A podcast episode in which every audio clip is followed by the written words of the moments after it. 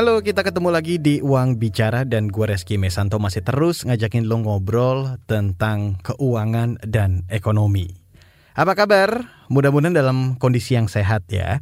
Karena sehat ini menjadi hal yang paling penting di tengah pandemi seperti sekarang. Gue gak pernah bosan untuk selalu mengingatkan, yuk bareng-bareng terus jaga protokol kesehatan, terus patuhi protokol kesehatan biar kita tetap sehat dan yang paling penting adalah tetap produktif. Bicara tentang kesehatan, ini pasti zaman sekarang erat banget sama yang namanya asuransi kesehatan. Apalagi kan belakangan rame banget ya, viral banget. Ini ada seorang artis yang komplain tentang asuransi kesehatan yang dia ikuti. Dan untuk membahas tentang asuransi kesehatan di episode Uang Bicara kali ini, gua mau ngajakin lo untuk ngobrol lebih dalam lagi tentang asuransi kesehatan. Dan di episode kali ini, gua akan ngajak salah seorang expert. Namanya Windy Teguh. Dia ini adalah seorang financial planner. Langsung aja yuk kita ngobrol. Oke Mbak Windy, terima kasih sudah bergabung di Uang Bicara. Dan di episode kali ini kita akan ngobrol tentang asuransi. Pertanyaan pertama langsung aja Mbak, mungkin boleh nggak dijelasin tentang asuransi kesehatan dan produk-produknya yang ada di Indonesia saat ini? Iya, jadi asuransi itu, ya aku ngomongin asuransi dulu ya. Asuransi itu kan sebenarnya kita memindahkan resiko ya atau transfer resiko dari diri kita ke pihak lain. Dalam hal ini adalah pihak asuransi gitu. Nah, dalam hal asuransi kesehatan itu adalah perlindungan ya bagi kita yang apabila kita mengikuti atau membeli produk asuransi itu, maka sesuai dengan perjanjiannya kita akan di oleh manfaat yang diperjanjikan. Jadi pada intinya asuransi kesehatan itu adalah sebuah produk yang bisa dibeli oleh nasabah untuk memindahkan resiko kesehatan yang mungkin dialaminya kepada pihak asuransi. Nah di Indonesia sendiri produk-produk asuransi kesehatan itu banyak ya. Intinya sih ada dua jenis. Yang pertama itu produk asuransi kesehatan yang murni atau tradisional kita kenal ya. Yang satu lagi itu adalah bentuknya unit link. Yang perbedaannya hanya di komposisi pembayaran premi di mana pada saat kalau belinya adalah asuransi kesehatan tradisional berarti dia pure semuanya untuk membayar premi. Artinya tidak akan ada uang yang diinvestasikan dan tidak akan ada nilai tunai yang kita dapat di akhir. Jadi jika resiko tidak terjadi ya sudah kita tidak akan mendapat ganti yang seperti itu. Nah sementara kalau asuransi unit link asuransi kesehatan itu uang kita tuh dibagi menjadi dua porsi, salah satunya untuk investasi sehingga ada nilai tunainya, tapi disarankan sih para nasabah ya tidak berharap uang tunainya itu karena produk asuransi itu akan proteksi ya, namanya proteksi ya kita memberi perlindungan. Oke, Mbak ini yang tiba-tiba muncul di kepala saya nih. Tadi soalnya Mbak Windy sebutkan don't expect too much. Jangan terlalu berharap dengan investasi. Karena ada dua tuh antara asuransi yang tradisional dan unit link. Kenapa hmm. kita tidak boleh berharap banyak? Jadi gini ya, sebenarnya kesalahan atau hal yang kurang dipahami masyarakat tentang risiko ya asuransi itu kan kita memindahkan resiko. Resiko itu asal katanya adalah risk ya. itu sebenarnya kalau di Indonesia kan agak susah ya. Risk itu hubungannya juga dengan rezeki atau sesuatu yang tidak pasti kayak gitu ya. Jadi konsep dari asuransi yaitu kita transfer risk ya, memindahkan resiko. Artinya apa? Artinya resiko itu tetap terjadi ya, tapi resiko finansial yang muncul dari suatu kejadian itu tidak kita tanggung sebagai nasabah, tapi kita alihkan ke asuransi. Nah, kalau kita ngobrolin soal asuransi secara sejarah dan lain-lain itu, salah satu hal yang mungkin kur, uh, mungkin jarang dibahas ya, bahwa perjanjian antara asuransi dengan pihak nasabah itu uh, prinsipnya nasabah ya ibarat ini nasabah itu boleh menuntut asuransi jika asuransi tidak membayar sesuai dengan yang diperjanjikan. Sebaliknya, asuransi tidak bisa menuntut nasabah jika nasabah tidak memenuhi kewajibannya. Contohnya kalau nasabahnya nggak bayar, konsekuensi di nasabah hanya uh, polisnya lapse ya tidak berlangsung lagi, tapi tidak ada konsekuensi hukum di nasabah. Jadi berlaku sebaliknya juga terhadap manfaatnya Nah, manfaatnya itu kalau resiko yang ditanggung terjadi, maka si asuransi wajib memenuhinya. Sebaliknya, kalau manfaatnya atau resikonya itu tidak terjadi, si nasabah tidak bisa menuntut si asuransi untuk mengembalikan duitnya kayak gitu, Mak. Kalau kita berbicara tentang asuransi kesehatan kan secara awam orang itu akan berpikir segala hal resiko yang berhubungan dengan kesehatan seseorang atau pemegang polis ini maka akan di cover seluruhnya oleh uh, asuransi. Ada nggak sih mbak kemungkinan beberapa penyakit mungkin yang nggak di cover oleh asuransi atau mungkin semua di cover asuransi mengingatkan pada usia-usia tertentu kalau orang mau ikutan asuransi itu kan ada istilahnya medical check up dulu kemudian ada istilah pengecualian gitu kan case-case pengecualian mungkin boleh nggak mbak diterangin se e, dengan jelas dengan bahasa yang mungkin dapat dimengerti oleh teman-teman yang masih awam dengan dunia asuransi jadi setiap asuransi yang kita ikutin itu pasti ada manfaat yang kita beli gitu ya, manfaat yang akan kita terima jika resiko terjadi. Semua manfaatnya itu tertulis di polis, rigid gitu ya, rigid uh, rigid dalam arti benar-benar detail ya. Contohnya kalau kita membeli asuransi kesehatan, biasanya yang di cover itu kan adalah uh, tergantung ya. Kalau kita beli asuransi kesehatan rawat inap, berarti yang di, cover adalah rawat inapnya.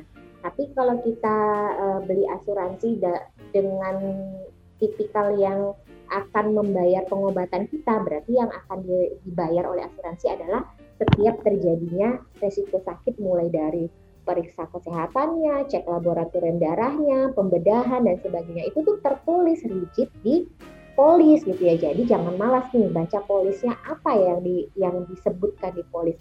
Contohnya ya di pembedahan.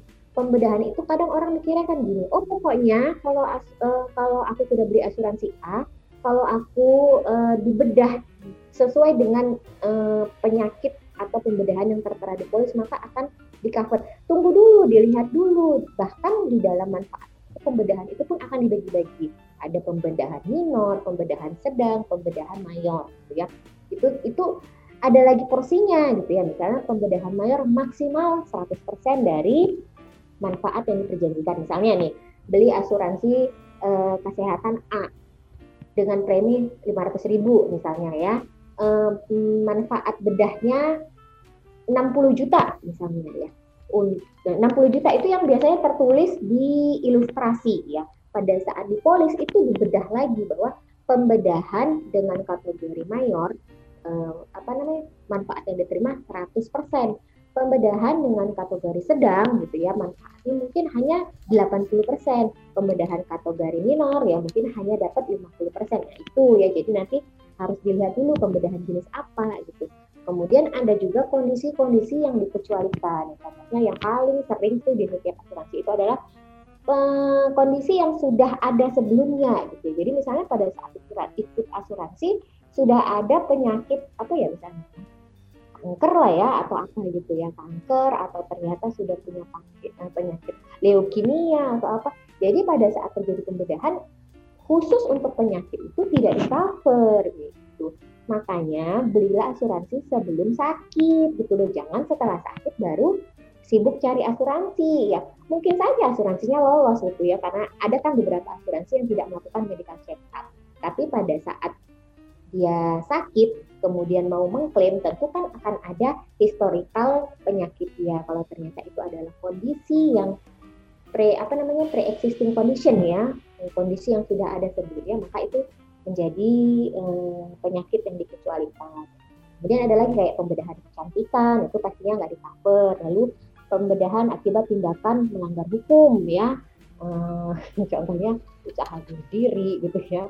Usaha bunuh diri akhirnya harus dibedah kayak gitu. Itu kan tidak bisa juga di jadi tetap harus dicek apa isi detail di dalam polis Nah, Mbak Windy tadi sempat juga menyebutkan bahwa tergantung asuransi kesehatannya yang mana yang diambil. Bagi teman-teman yang mungkin yang masih ya mungkin awam atau mengerti asuransi baru di atasnya aja, yang selalu dibayangan orang-orang kan hospitalized itu udah pasti. Sebetulnya ada berapa jenis sih mbak asuransi kesehatan yang ada di Indonesia sekarang? Terbagi dua ya yang besar hmm. ya. Yang pertama itu asuransi kesehatan khusus untuk uh, rawat inap doang hmm. ya. Karena kalau rawat inap itu dia juga akan mengcover segala penyebab kita sakit dan kemudian dirawat inap itu sistemnya biasanya kan re reimburse ya, reimburse ya. Mm-hmm. Jadi kita rawat inap dulu, kemudian kita bayar dulu atau boleh kita pakai asuransi lain ya. Kemudian nanti kita tagihkan ke asuransi diganti sesuai dengan nilai manfaat yang kita beli. Jadi bukan sesuai dengan harga kamarnya ya. Karena bisa aja ya kita rawat inap satu malamnya satu juta, tapi kita beli asuransi rawat inap yang pertanggungannya hanya lima ratus ribu, ya yang diganti lima ratus ribu bukan yang satu juta.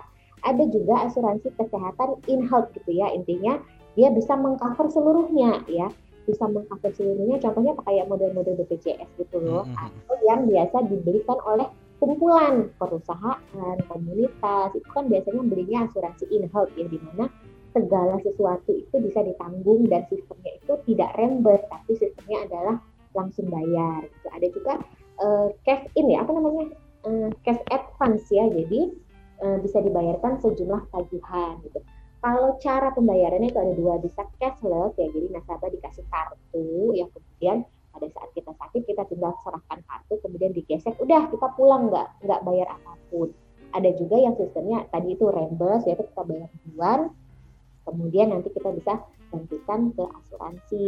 Ya, semakin besar manfaatnya, tentu premi yang kita bayar itu semakin besar juga. Tadi sempat disebutkan juga sudah disinggung penyakit kritikal. Yang saya ingin tanyakan adalah kan ada beberapa case tentang pengecualian. Tadi sempat dijelaskan juga pengecualian penyakit bawaan lah. Yang seperti itu ya penyakit bawaan yang tidak bisa diklaim kemudian. Namun ketika misalnya sudah medical check up sesuai yang diminta, kemudian ada kasus ternyata dia memiliki penyakit bawaan misalnya hipertensi atau diabetik misalnya seperti itu. Apakah memang pure itu tidak bisa di cover oleh asuransi? Pada umumnya nggak bisa ya mas ya. Aku mm -hmm. pernah mencari asuransi kesehatan ibuku. Ibuku tuh punya diabetes ya. Mm -hmm. Emang nggak ada yang mau nerima gitu loh. Mm -hmm. Jadi ya ditolak semua gitu ya apa ya aku belum nemu sih ya mungkin ada tapi kalaupun ada pasti biayanya menjadi lebih mahal. Oke Mbak Windy kita sekarang berbicara tentang penyakit kritikal. Ini saya juga pernah melihat sendiri memang ada beberapa macam penyakit kritikal yang katanya ditanggung oleh asuransi. Misalnya kena penyakit ini diganti sekian termasuk cacat tetap lah misalnya ya akan diganti sekian atau bahkan uh, stop bayar.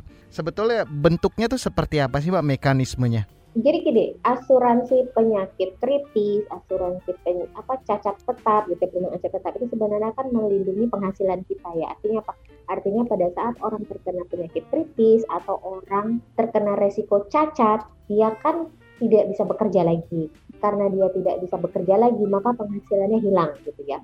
Jadi si asuransi itu sebenarnya menggantikan kerugian finansial akibat hilangnya penghasilan dia. Nah, di asuransi penyakit kritis sendiri itu biasanya kan berupa rider ya penambah di asuransi kesehatan yang ada gitu ya. Jarang jarang lah asuransi penyakit kritis itu berdiri sendiri. Jadi kita tuh harus beli dulu asuransi kesehatan secara umum kemudian kita nambahi ridernya ya berupa asuransi penyakit kritis dan asuransi cacat tetap. Nah kayak gitu. Ini sih penting juga ya kita beli. Kenapa? Karena kan kalau udah namanya kena penyakit kritis ya itu tadi di samping pembayaran eh, penggantian biayanya mahal gitu ya gede dan kita mungkin tidak sanggup untuk mengcover dari finansial kita di sana itu kita juga ada risiko kehilangan penghasilan akibat kita sakit kayak gitu. Nah di penyakit kritis itu sendiri biasanya ada kayak tingkatan diagnosanya gitu loh. Apa sih namanya? Yang kayak stadium 1, stadium 2 gitu loh. Nah itu itu tuh yang harus diperhatikan karena kadang-kadang di asuransi kesehatan sendiri bisa di cover jika sudah masuk stadium 4 misalnya gitu. Jadi berarti pada saat masih stadium 1 nggak bisa diganti. Jadi itu makanya aku bilang harus benar-benar dibaca. Termasuk cacat tetap. Cacat tetap itu sendiri ada pembagiannya. Misalnya jari sebagian kiri, kiri sama kanan aja penggantiannya udah beda gitu ya. Yang termasuk 50% cacat itu seperti apa, yang termasuk 70% cacat itu seperti apa. Jadi nggak serta-merta kita cacat langsung diganti sebesar 100% dari manfaat yang diperjanjikan. Itu dia Windy Teguh, seorang financial planner yang lagi gua ajak ngobrol tentang asuransi kesehatan. Obrolan gue bareng Windy nggak akan habis sampai di sini aja karena di bagian selanjutnya gue masih lanjut lagi ngobrolin tentang asuransi kesehatan. Jadi jangan ke mana-mana, tetap di Uang Bicara.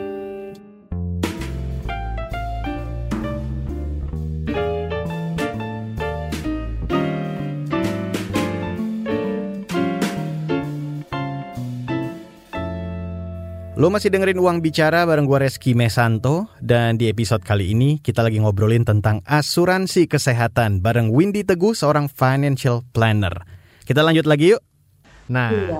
ini belakangan kan memang lagi viral banget ya kasus W ini. Iya. Nah, kalau kita berbicara dengan kasus Mbak W, sebetulnya kenapa bisa kejadian seperti Mbak W? Ya, sepintas sih kalau baca dari postingan Mbak W itu kita kalau kita orang yang ngertiin ngerti asuransi langsung tahu ya masalahnya apa ya pertama pertama di situ kan eh, penyakit yang mau diklaim itu memang sudah terjadi sebelumnya gitu ya karena kan di situ ceritanya kan ada upgrade ya ada upgrade asuransi dari yang apa sih kartu merah ke kartu hitam gitu ya. Artinya apa? Artinya pada saat upgrade terjadi uh, ada kondisi pre tadi itu pre-existing kondisional yang sudah terjadi sebelumnya makanya tidak bisa di cover oleh kartu yang baru kayak gitu.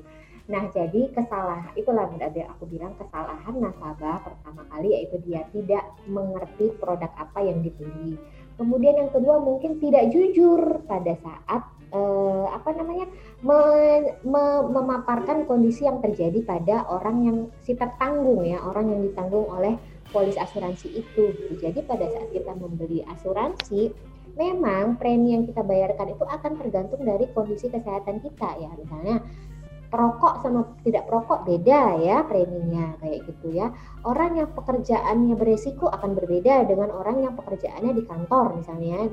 Jadi ada gitu loh hal-hal yang akan mempengaruhi harga premi kita. Makanya banyak orang yang menutupi nih kejadian-kejadian yang sudahnya takutnya nanti bayar preminya lebih mahal atau malah takut ditolak gitu. Nah itu nanti akan merugikan kita sendiri. Udah capek-capek bayar malah nggak bisa diklaim. Jadi saranku untuk para orang yang mau membeli asuransi yang pertama kali beli asuransi belilah asuransi sesuai dengan kebutuhan kita ya.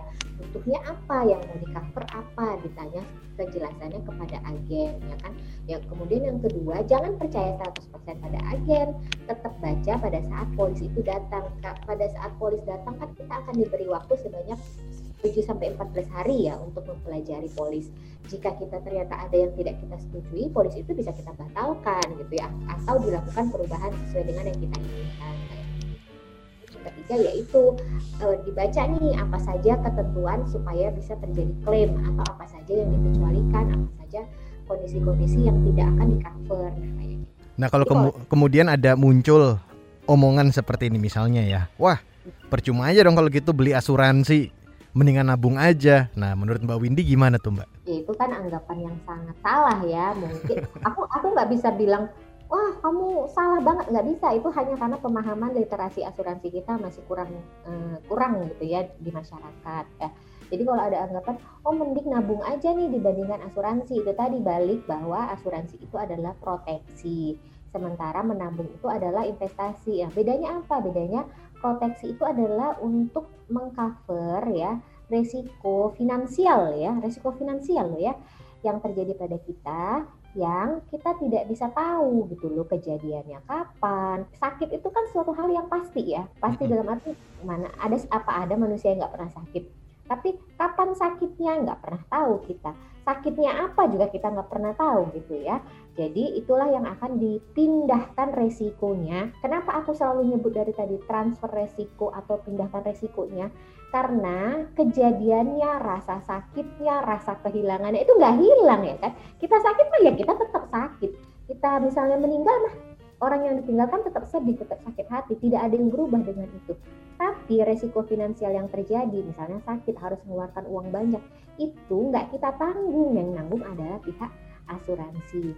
Nah, kenapa tidak bisa dika, tidak bukan solusinya seperti itu maka nabung aja ibaratnya gini misalnya kita nabung nih satu bulan satu juta ah daripada aku bayar premi satu bulan satu bulan sejuta mending aku nabung nih satu bulan sejuta oke kamu nabung satu bulan sejuta.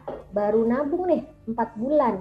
Berat tiba-tiba sakit ya atau kecelakaan atau ternyata ditemukan tumor yang harus dibedah. Biayanya 100 juta misalnya. Duitmu baru terkumpul 4 juta gitu loh. Kamu mau pakai apa nih ngobatinnya? Pasti alternatifnya kalau nggak kamu berhutang menjual aset akhirnya ya udah nggak usah diobati bobo aja di rumah pasrah kan gitu kan ya. Tapi kalau kamu punya asuransi kamu baru bayar 4 juta pun sepanjang manfaatnya adalah pembedahan atau pengobatan sebesar biaya yang akan keluar ya itu akan diganti oleh asuransi. Jadi asuransi itu menanggung prinsip uh, apa law of large number gitu ya, aturan jumlah bilangan besar ya. Jadi asuransi yang baik atau asuransi yang sesuai dengan kebutuhan kita itu sebenarnya yang preminya yang manfaat yang kita terima jauh lebih besar dibandingkan premi yang kita bayar gitu ya. Hmm. Jadi misalnya kita bayar premi satu juta, kalau bisa manfaatnya itu ya di atas 100 juta gitu ya. Tapi kalau kita bayar satu juta, manfaatnya cuma 10 juta ya, kamu mending nabung hmm. gitu ya. Nah misalnya kayak gitu ya, makanya bukan nabung solusinya ya, karena memang asuransi itu tidak bisa kita uh, apa hal-hal yang di cover oleh asuransi itu tidak bisa kita prediksi. Nah, Mbak Windy, berdasarkan uh, pengalaman based on your experience, biasanya kesalahan-kesalahan apa aja sih uh, seorang nasabah ketika akan memilih asuransi atau at the end tanda tangan SPAJ dan mungkin boleh nggak Mbak Windy kasih bocoran ke teman-teman? Apa saja sih Mbak yang harus diperhatikan ketika kita ingin mungkin membeli polis? Kesalahan-kesalahannya yang pertama ya eh, nasabah itu pengen manfaat sebesar-besarnya dengan premi semurah-murahnya. Ada uang tunainya cashbacknya ya biasa ya namanya konsumen ya. Itu. Jadi akibatnya apa? Akibatnya dia nggak objektif dalam membeli asuransi. Kesalahan yang kedua nasabah itu tidak membeli asuransi sesuai dengan kebutuhannya gitu ya contohnya gini contohnya sebenarnya tuh dia hanya butuh ya tadi aku bilang hanya butuh kalau rawat inap doang gitu. Kenapa? Karena udah ada loh di cover oleh kantor untuk asuransi yang kesehatan yang lain, tapi dia tetap beli ini, tetap beli asuransi yang dengan premi yang besar gitu sehingga dengan ekspektasi dia oh aku beli unit ini ah biar nanti aku dapat investasi di kemudian hari pada saat uh, jatuh tempo premi uh, polisnya gitu. Akhirnya dia kecewa kenapa? Karena tidak sesuai ekspektasi. Jadi jadi tidak tidak mengerti produk sih sebenarnya tidak mengerti produk. Kemudian ketiga malu bertanya ya malu bertanya karena enggak enak nih sama si agen kalau nanya-nanya mulu kayak gitu. Padahal ya namanya agen memang fungsinya adalah menjawab pertanyaan. Ya. kemudian ketiga menganggap apa yang diucapkan oleh agen itu adalah yang yang diperjanjikan. Padahal enggak ya namanya agen itu kan hanya marketingnya. Yang akan kita pegang itu adalah segala hal yang tertulis di polis kayak gitu. Itu sih kesalahan-kesalahan orang ya. Nah tipsnya memilih asuransi yang pertama sesuaikan dengan kebutuhan. Yang kedua sesuaikan dengan kemampuan pastinya ya kemampuan kita. Kenapa? Karena asuransi itu hanya satu bagian dari perencanaan keuangan kita gitu ya. Kita tuh nggak nggak cuma mikirin asuransi loh ya. Kita juga butuh mikirin dana pendidikan anak kita dana pensiun. Jadi jangan jor-joran juga semua duit dimasukin asuransi gitu ya. Beli seperlunya beli sebutuhnya ya. Kemudian yang ketiga pilihlah asuransi yang eh, perusahaannya bonafit ya. Perusahaan asuransi yang bonafit itu bisa kita lihat dari beberapa indikator. Yang pertama dari RBC ya. Itu RBC itu risk based capitalnya ya. Kalau di Indonesia itu minimalnya itu 120% jadi pilihnya di atas itu ya. 120 milihnya 130 jangan juga ya. Yang pilihnya agak gedean lah ya di atas 400 misalnya kayak gitu. Itu menandakan bahwa si si perusahaan asuransi itu solvabilitasnya itu tinggi gitu ya. Berarti dia punya likuiditas yang tinggi. Jadi pada saat ibaratnya gini yang yang ikut asuransi itu kan banyak ya. Kalau misalnya yang terjadi yang menderita sakit atau meninggal dunia itu tiba-tiba banyak ya ramean gitu kan si asuransi ini kira-kira masih bisa mengcover atau enggak gitu ya. Makanya selain pilih yang perusahaan yang bagus RBC-nya tinggi, pilih juga yang pesertanya banyak gitu ya. Kalau pesertanya banyak, ya ibaratnya kan berarti iurannya makin banyak ya, iurannya makin banyak, berarti uh, uangnya juga makin banyak. Nah kira-kira gitu. Selanjutnya pilih yang baca-baca media deh ya, yang tidak sering diberitakan oleh media. Yang sering diberitakan media itu belum tentu juga jelek ya, hmm. namanya uh, perusahaan besar jumlah nasabahnya makin besar tentu yang komplain juga makin banyak gitu ya. Hmm. tapi pastikan saja bahwa uh, apa yang dikeluhkan oleh nasabah itu uh, tidak terbukti atau apa. Jadi kalau memang benar-benar terbukti ya memang kita mungkin perlulah uh, mereview gitu ya. Baru yang keempat ya sering-sering melakukan review terhadap polis yang kita beli. Ini merupakan pertanyaan yang mungkin paling ditunggu teman-teman dan sekaligus pamungkas tips untuk entah ya apa ya memilih atau menghadapi agen asuransi kita harus lebih pinter dari dia yang pasti ya. Oke. Okay. Gitu ya. Pinternya dalam gimana nih Mbak misalnya Mbak? Ya pertama kali ya sebelum kita membeli produk itu ya kita cari tahu dulu dong ya kita mm -hmm. cari tahu dulu kita bisa membandingkan.